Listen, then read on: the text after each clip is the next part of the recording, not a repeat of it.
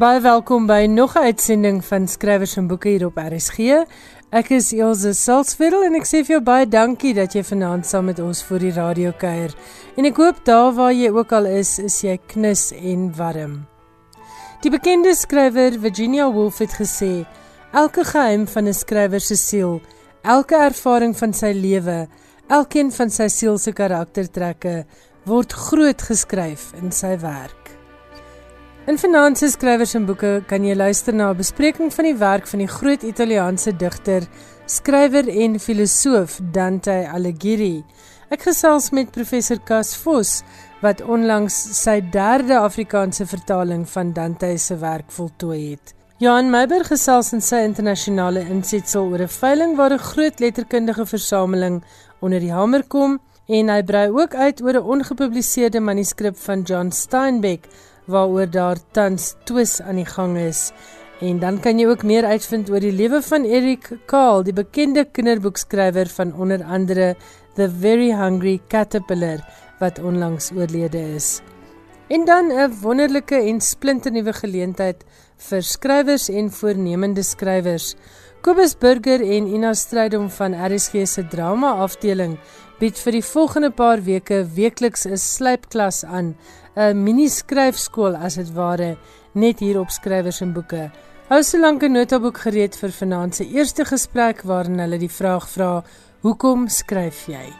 Dit dan alles op vanaand se skrywers en boeke agenda. Ek hoop jy geniet die program.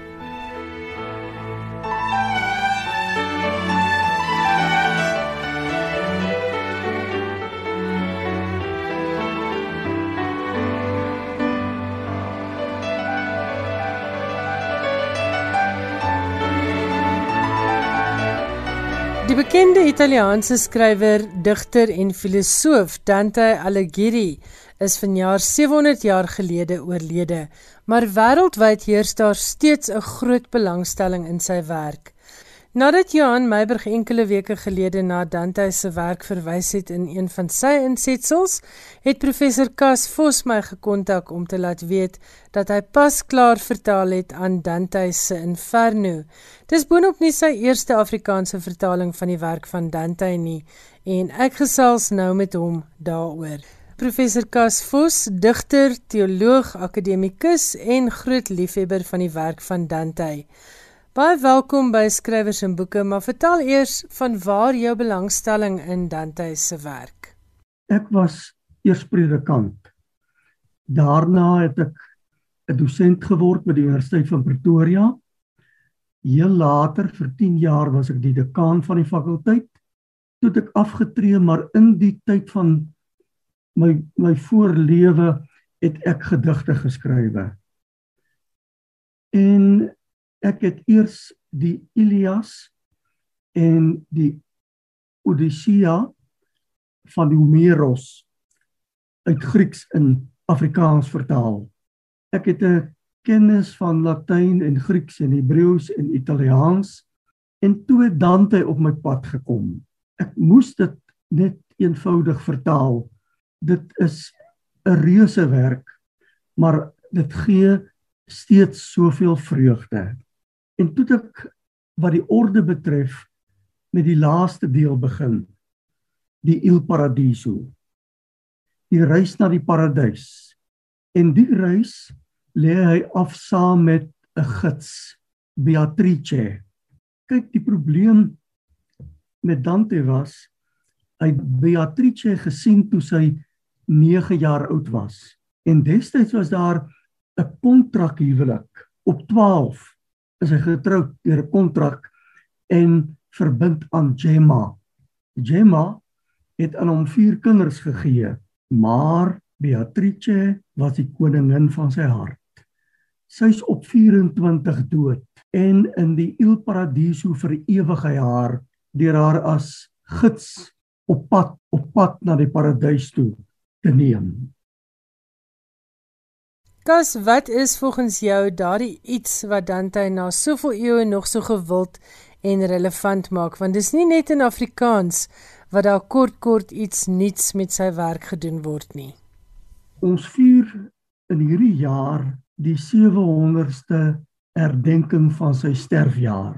Hy is op 11 September 1321 in ballingskap in Ravenna dood. Hy het 'n verskriklike tyd in Florence gehad. Daar was twee partye, die wit Guelfe en die swart Guelfe.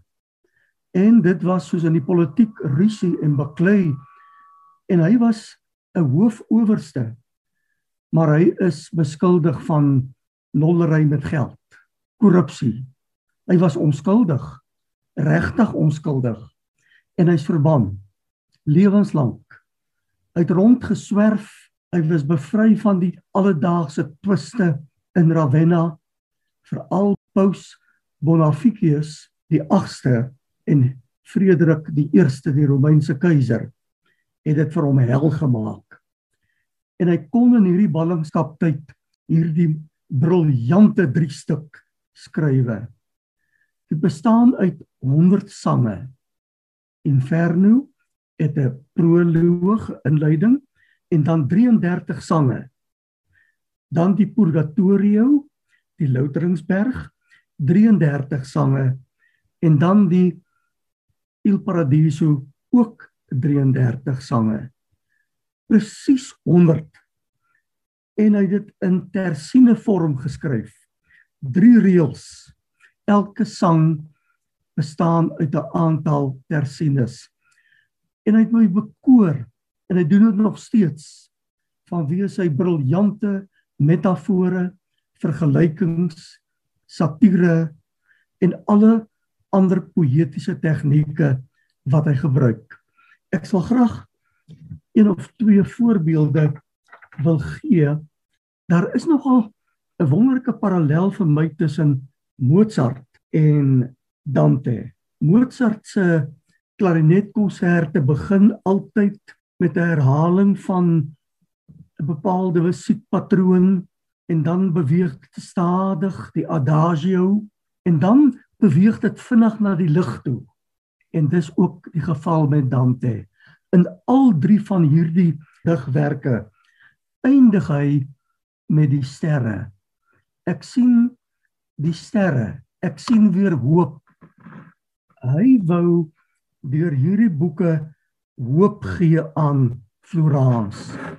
Hy eindig so in die Il Paradiso. Ons het opgeklim.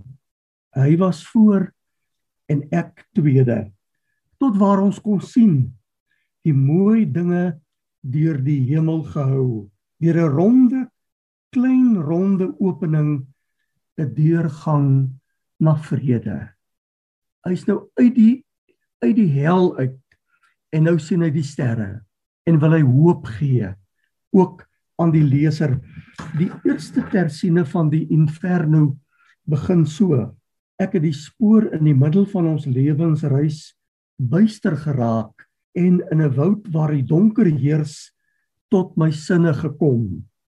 Op die dwaalweg was ek onwys. En dit is deel van ons almal se lewe. Erns raak ons die pad buister, maar hopelik kom ons weer op die regte spoor. En dan is daar die fyn humor as hy spot met die kerklikes, met die paus. Die sieleherders moet in hierdie dae aan albei kante gerigsteen word. So swaar is hulle. Een moet voor en een agter hulle loop sonder kla. Al bedek elkeen van hulle mantel sy ryperd, waier dit so wyd dat dit die gediertes toemaak. O geduld, so belas met ou niks werd. Ek wil graag die kanto 24. Dis 'n pragtige beeld wat hy gebruik Dit is die tyd van die voorjaar as die son se gloed onder Aquarius sy strale begin stook en dag en nag mekaar by die oosterkim ontmoet. En wanneer die ryp oor die land pronk en praal met sy suster spog wat so wit soos hy is, al vervaag sy skitterbeeld wat stilweg afskaal. Dis die oorgang van die winter na die lente die ryp wat val en sien hoe die sneeu al minder word want die son beglans dit skroei dit, stook dit weg. Dis regtig pragtig en jy het ook genoem van die rymvorm dat dit die eerste vertaling in Afrikaans is van Dante se werk wat rym. Hoe moeilik is dit om reg te kry? Ek dink 'n mens moet iets van 'n digter in jou hê en geduld, want rym kom by my te maklik. En 'n mens moet dink en Dante laat my dink en dink en nadink. Ek was baie gelukkig om 'n uitstekende redigeerder te hê in die persoon van Ernst Coetzee, die taalkundige en Bill Henderson wat professor was in Grieks en Latyn. Dis hulle albei ken Grieks en Latyn en kon dus die Latyn kontroleer met my Afrikaanse vertaling. Want jy kan nie wildweg vertaal nie. Jy moet Dante se bedoeling vertaal en dit moet poësie word. Dit moet beeldend word. As ek nog eenetjie kan lees wat 'n verruklike metafoor het. As God jou gun om die deel met vrug te lees, leser, dan sal jy self kan nadink en my onmag verstaan om my gelaat droog te hou by die aanskoue van hul vrees. Dis regtig pragtig. Nou terwyl jy so sit en lees aan woorde wat oorspronklik 700 jaar gelede geskryf is, Hoe het al hierdie tekste behoue gebly? Is daar 'n plek in die wêreld waar mense na die oorspronklike teks kan gaan kyk? Ilse, dis 'n baie baie belangrike vraag. Die eerste groot waarheid is Dante was in ballingskap. Hy het rondgeswerf en toe het hy hierdie magnifieke La Divina Commedia geskrywe. Dit was in kloosters bewaar deur die jare, maar hy het geen tekste by hom gehad nie. Hy het wel Virgilius want op die reis in die hel in die inferno is Virgilius die latynse digter sy gids. Hoekom Virgilius? Doelbewus want Virgilius was 'n verteenwoordiger van die heidendom en hy het gehoop dat Virgilius die heidendom ook sal aantrek na hom toe. En in tweede plek was Virgilius 'n briljante digter. En Dante het die werk uit sy kop geken en ook Ovidius. Daar is baie plekke waar 'n mens kan sien dat hy hier intratekstueel gebruik maak van Ovidius en van Virgilius. Maar dan maak hy dit sy eie tekste. Dit het die groot digter NP van Wyk Lou ook gedoen. Hy verwys in 'n gedeelte in 'n gedig na Dante, die groote noem hy hom, sonder om sy naam te noem. En dan verwys hy baie subtiel na hierdie hierdie uitkoms dat ons die sterre sal sien. Ek ken hierdie name waarvan jy nou praat, Virgilius en uh Homerus en al die ander name wat jy nou ook al genoem het deur eerste jaar Latyn op universiteit, maar dit bly vir die meeste gewone lesers 'n uh, duister wêreld. So dis my wonderlik dat jy dit meer toeganklik maak deur Afrikaanse teks en ook deur dit op 'n baie mooi gewone manier te vertaal. Wanneer kom hierdie spesifieke vertaling uit en is jou ander vertalings van vorige Dante-werke op die rakke? Hulle is op die rakke en die een hopelik teen September of Oktober, die Inferno.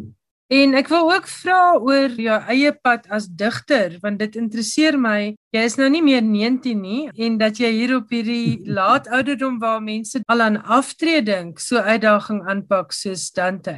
Hoe het jou pad met die woord met poësie geloop? Vertel ons 'n bietjie daarvan. Graag, dankie Ilse. Ek was nog in die skool toe het my Afrikaanse onderwyser vir my gesê, "Jong man, seun," het hy my genoem seun, jy kan dig en jy moet dig. En my eerste gedigte het in die jaarblad van die skool verskyn. En ek het lewenslank maar die behoefte en die begeerte gehad om te skrywe. En daarom onder andere het ek predikant geword, want ek kon met die woord werk. Ek kon al digtend preek met metafore en beelde en dis tog hoe 'n mens toegang kry tot iemand, na die hart van iemand. 'n Metafoor is 'n brug om by iemand uit te kom. En ek was lewenslank gemoeid met die woord en die woord met my. En die woord wou my nie los nie, Ilse. En ek wou die woord nie los nie. Ek was trou aan die woord en die woord aan my. En nou het ek tyd na my aftrede en is ek woord behep. En het ek met vreugde. Ek was 'n bietjie bang vir die inferno want mag ek dit sê Dante het sy eie voorstelling van die inferno gemaak. Dis sy eie skepping. Hy was nie regtig in die hel nie. En ek hoop nie iemand van ons kom in die hel nie, want soos Dante dit skilder en teken, is dit afskuwelik, maar hy wou deur hierdie reis mense hoop gee. Kyk hoe sleg gaan dit as jy oortree, as jy nie liefde het nie. As jy hebsugtig is en geldsugtig is en self verrykend is. Jy verloor alles en hy wou hoop gee aan sy mense in Florence. En ek hoop die Inferno, die vertaling gaan ook hoop gee aan elke leser.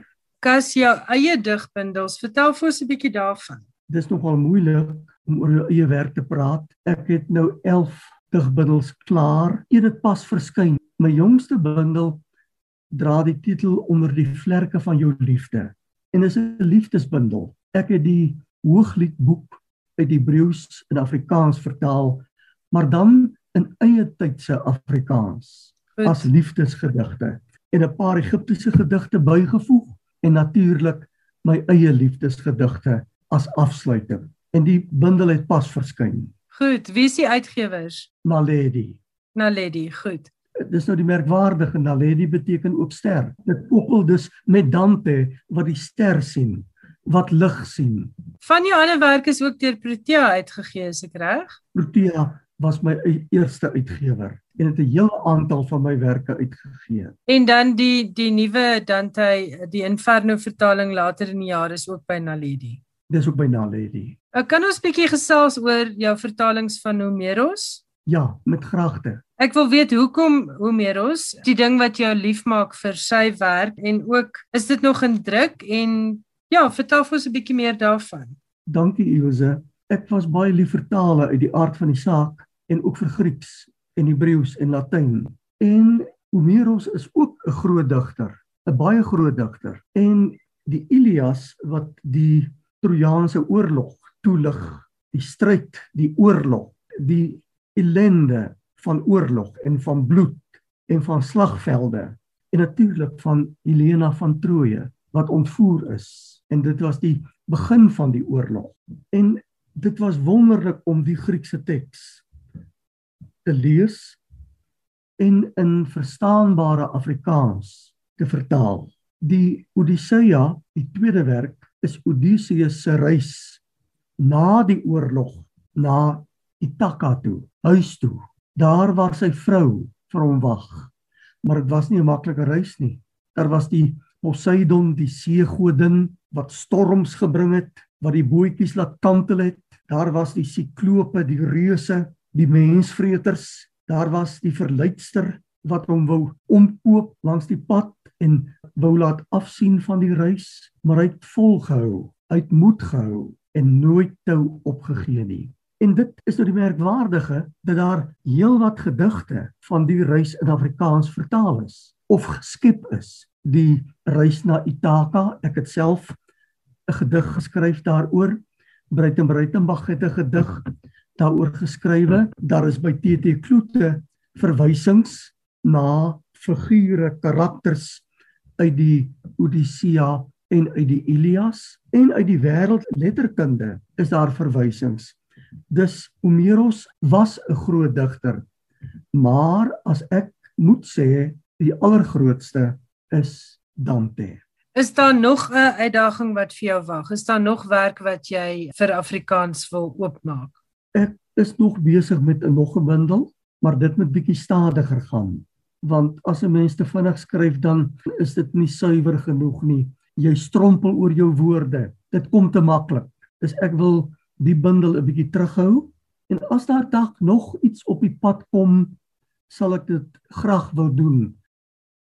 En vir 'n geval jy die naam misgeloop het van die man wat so passievol oor Dante en ander klassieke skrywers gesels, dit was professor Cas Vos, self ook 'n digter van formaat. Sy nuutste bundel verskyn binnekort by Naledi. Skrywers en boeke Alles wat jy oor die boekewêreld wil weet en meer. En dit is vir my nou heerlik om iets splinternuut bekend te stel waarby skrywers en voornemende skrywers beslis gaan baat vind. Weens die COVID-19 inperkings kan vanjaar se RSG radiodrama slypskool nie plaasvind nie. Maar my kollegas Ina Strydom en Kobus Burger van RSG se drama afdeling het toe met die briljante plan vorendag gekom om weekliks 'n klein slypklasie hier op skrywers en boeke aan te bied. En daarbey kan alle skrywers en voornemende skrywers beslis baat vind. En ook nie net skrywers van radiodramas nie, maar wie weet, dalk kweek ons ook in die proses nuwe skrywers van radiodramas. Kobus en Ina gaan in hierdie reeks die basiese elemente van 'n storie, soos karakters en dialoog en storielyne bespreek, as ook die elemente van 'n radiodrama en nog baie meer aspekte van die skryfkuns. Trek dus jou notaboek nader vir vanaand se eerste slypklas waarin Ina stryd om gesels oor die vraag: Hoekom skryf jy?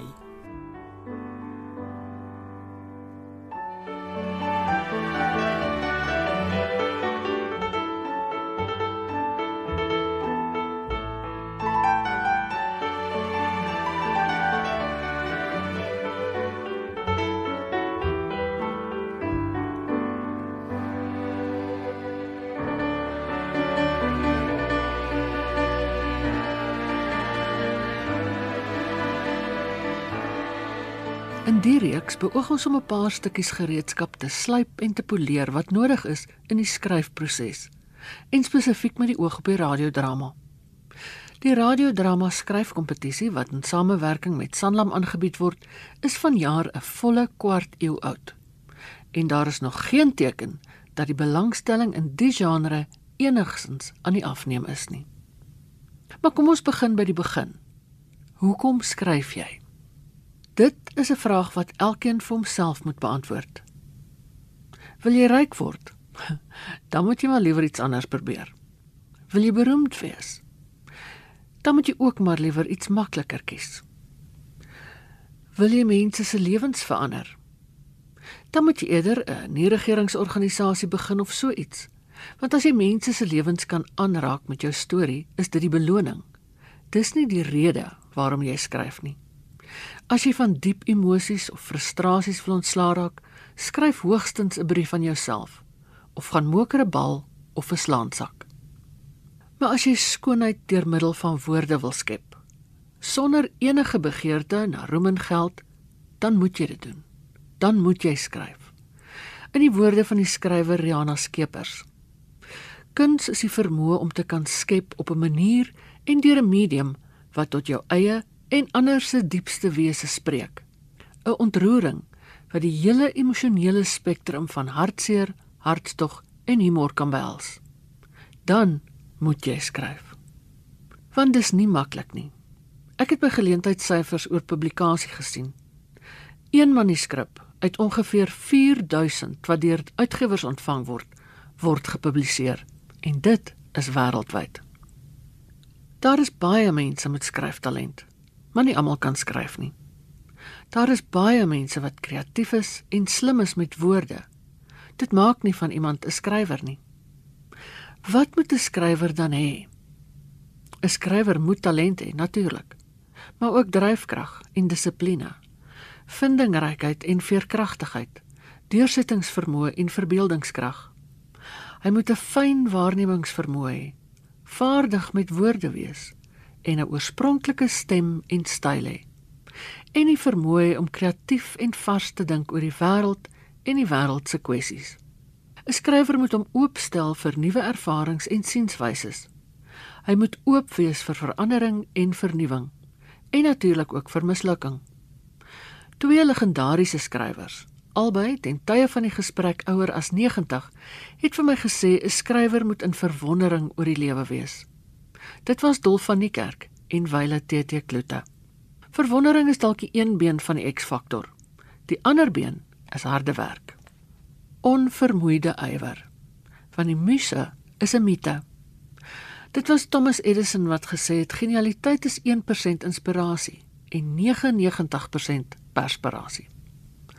Al het jy al die eienskappe van 'n skrywer, maar jy wag vir die inspirasie, dan sê jy nie ver kom nie. Begin net skryf elke dag 'n sin of 'n paragraaf of 'n bladsy. As jy môre alles moet uitvee, doen dit dan. Begin weer oor. Word skryf fiks. Oefen. Gaan sit net voor daardie rekenaar en begin. En onthou, die handleiding en 'n klompie skryfwenke is beskikbaar op die webwerf by www.rsg.co.za. Lekker skryf tot volgende week en dan praat ons oor die storie.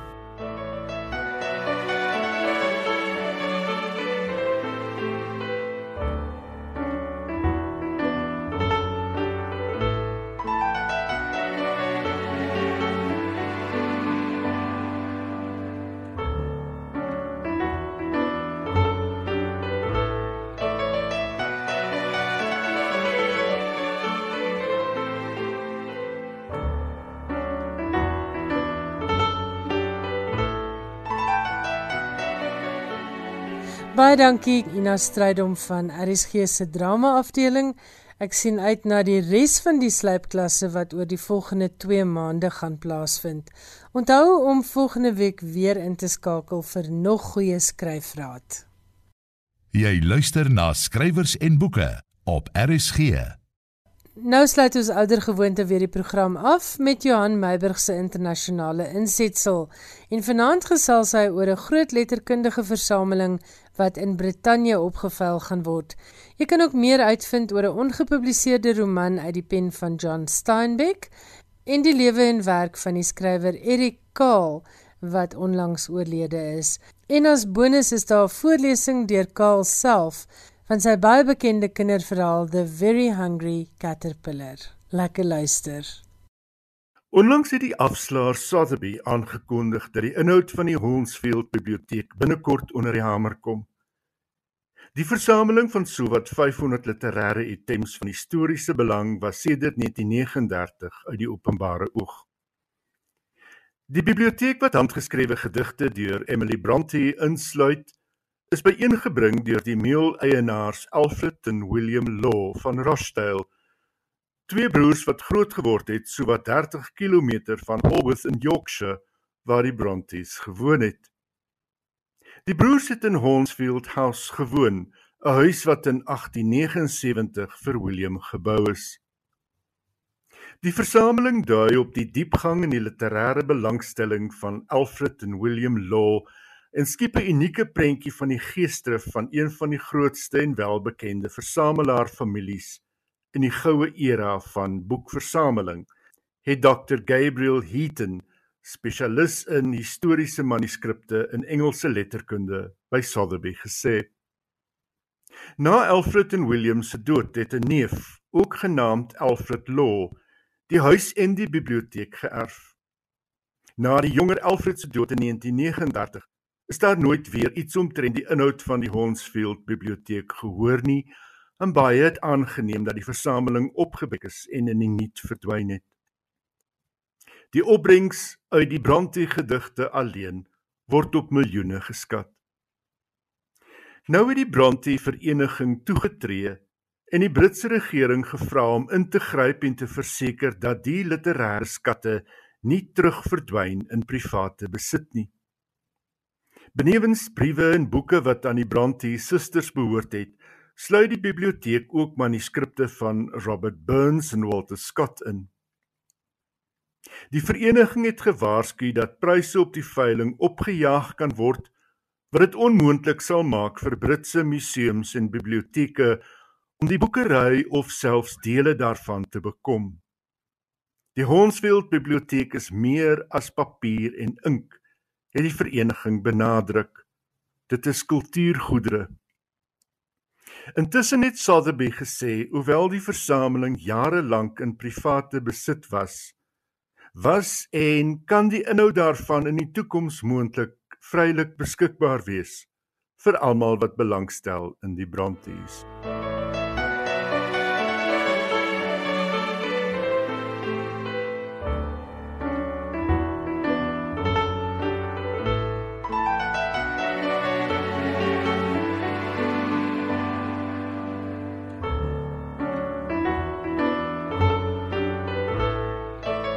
9 jaar voordat John Steinbeck die Pulitzerprys verower het met The Grapes of Wrath, die boek wat ook 'n beduidende rol in sy Nobelprys vir letterkunde gespeel het, was hy besig om te werk aan 'n ligte speurverhaal waarin 'n weerwolf voorkom. Hoewel die manuskrip van die roman Murder at Full Moon in 1930 voltooi is, is dit nooit gepubliseer nie. Die enigste weergawe van die manuskrip met tekeninge deur Steinbeck is sedert 1969 deel van die versameling van 'n argief in Texas. Nou is daar stemme wat opgaan dat die boek uitgegee moet word. Maar nadat The Guardian berig het oor die planne van 'n kenner van Amerikaanse letterkunde aan die Stanford Universiteit om die manuskrip tot publikasie te bring, het die agente van die Steinbeck Trust 'n stokkie voor die planne gesteek. Een van die besware is dat Steinbeck nie sy naam aan die manuskrip geheg het nie, maar dit geskryf het onder die skuilnaam Pieter Pim. Nadat hy roem verwerf het, het hy ook gekies om nie die roman uit te gee nie. Nog 'n beswaar is dat daar wel skryfwerk van Steinbeck is wat na sy dood uitgegee is, en dat dit gedoen is met toestemming van die agente wat sy nalatenskap bestuur. Volgens New York Times het die agente in 'n verklaring gesê hulle dink nie eens daaraan om die werk wat 'n skrywer self nie wou uitgee nie nou uit te buit.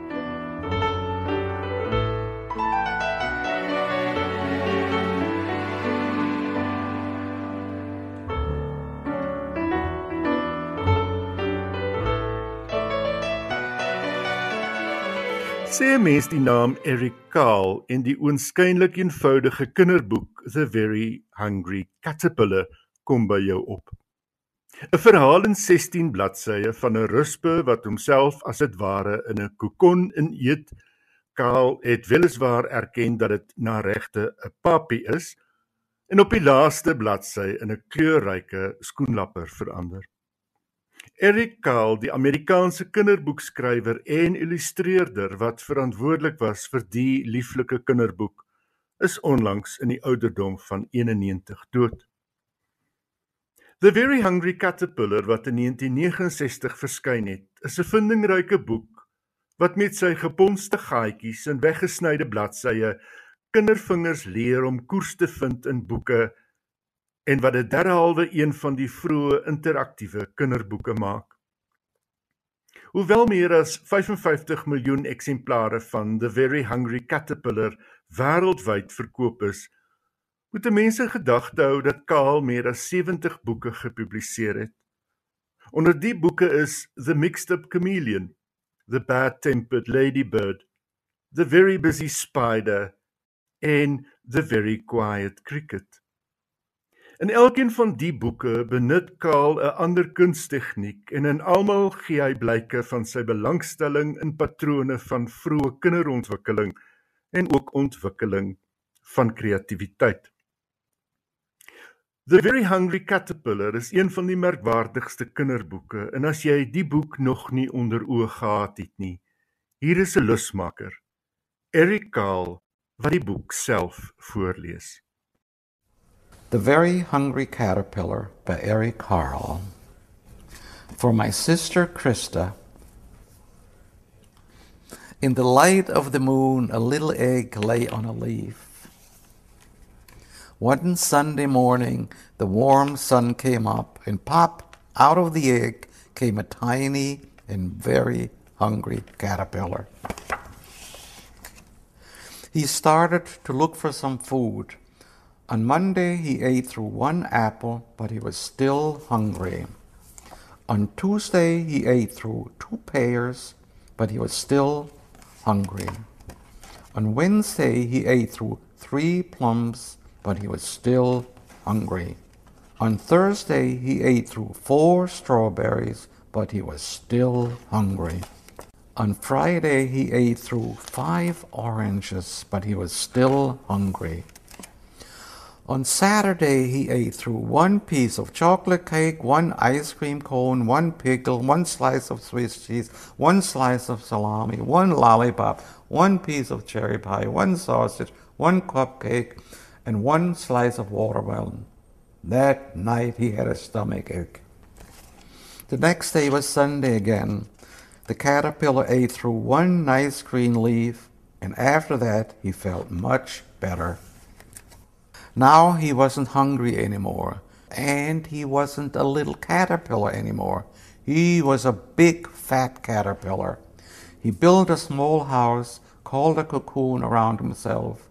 He stayed inside for more than two weeks. Then he nibbled a hole in the cocoon, pushed his way out, and he was a beautiful butterfly.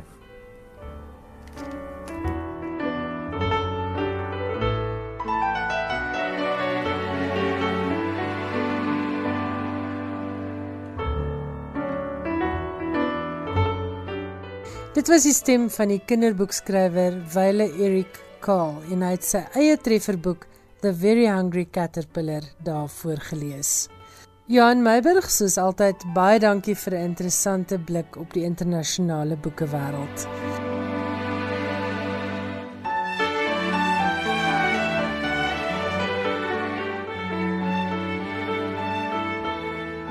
Nou ja, daarmee het die tyd ons ongelukkig ingehaal en ons groet tot volgende Woensdag aand.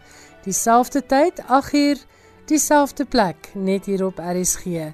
Dan gaan ek en Johan Meiburg en Kobus Burger en Ina Strydom weer sorg vir 'n lekker verskeidenheid skrywers en boeke nuus en natuurlik ook skrywersvaardighede wat Ina en Kobus vir ons gaan aanbied. Tot dan, bly warm, wees veilig en lekker lees en onthou om ingeskakel te bly op RSG. Ons is hier vir jou 24 uur per dag. Totsiens.